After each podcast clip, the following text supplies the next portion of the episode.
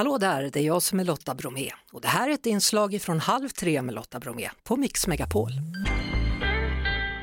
Ska vi snacka med Viveka Sten som i dagarna kommer ut med tredje boken i Åre-trilogin. Hallå Viveka!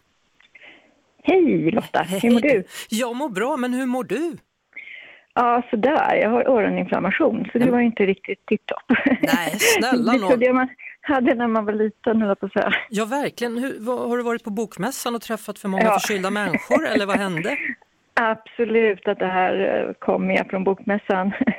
Nästan garanterat, tror jag. Ja, och just denna vecka då när du kommer ut med den tredje boken då i Åre-trilogin, eller kommer det bli ännu fler än tre böcker? Det blir faktiskt fler. Jag känner att jag har eh, jag, jag där med trilogi lite grann. Jag har redan börjat att skriva på fyran faktiskt. Men Mm. jag får skylla på att jag sa samma sak med Morden i Sandhamn. Först en trilogi och sen blev det en trilogi till och sen blev det fyra till. Och Ja, Ja, jag är helt opålitlig.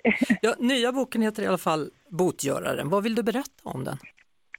Alltså den, är, eh, den börjar med ett eh, fasansfullt knivmord i ett av Åres mest kända hotell, Copper Hill. Där hittar man en illa tilltygad kropp i en av de finaste sviterna precis när påsklovet börjar. Eh, och sen blir det bara värre, kan jag säga. Ja, det blir ju det och jag var tvungen att kolla, för jag har inte varit i Åre, så jag var tvungen att kolla om det här hotellet finns på riktigt och det gör det ju. Det gör det. Där har jag krypt omkring, höll på att säga, på vinden och i nödutgångar och garage och gjort hur mycket research som helst och, och verkligen uh, hittat bra ställen för att ta livet av folk och för att gömma sig om man är mördare. Men vad säger hotelldirektören?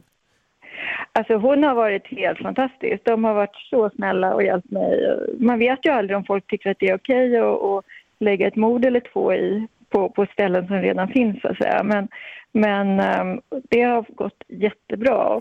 Och dessutom i boken så har det här dådet kopplingar till ett annat väldigt känt hotell som heter Storliens högfjällshotell. Mm. Som var väldigt, väldigt berömt på 60-70-talet. Ja, Eh, och, så, och nu har det liksom blivit lite, du vet, tänk The Shining, lite åt det hållet. Men det finns alltså kopplingar, så det rör sig mellan det här fantastiska designhotellet Copper Hill och det här eh, nedgångna, riktigt sådär creepy eh, stället i Storlien. Ja. Så det är, en- det är en spännande historia. ja jag förstår det. Är, är det det som gör, tror du, att, att människor tar till sig dina böcker? För att de är placerade liksom i en miljö som man kanske är trygg i i vanliga fall och så händer det något fasansfullt. Jag tänker också på morden i Sandhamn till exempel. Ja, men det, jag tror absolut att det finns en del i det. Att, att eh, det här att det, du är på en plats som ser så fin ut och är så vacker och allting är- bara andas semester och avkoppling. Och sen så döljer sig hemska saker under ytan. Jag tror att det är lite kittlande för, för många läsare faktiskt. Mm.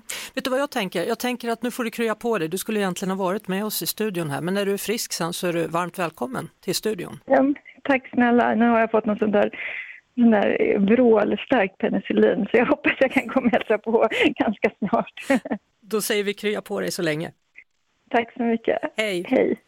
Vi hörs såklart på Mix Megapol varje eftermiddag vid halv tre. Ett poddtips från Podplay. I fallen jag aldrig glömmer djupdyker Hasse Aro i arbetet bakom några av Sveriges mest uppseendeväckande brottsutredningar. Går vi in med hemlig telefonavlyssning och, och då upplever vi att vi får en total förändring av hans beteende. Vad är det som händer nu? Vem är det som läcker? Och så säger han att jag är kriminell, jag har varit kriminell i hela mitt liv men att mörda ett barn, där går min gräns.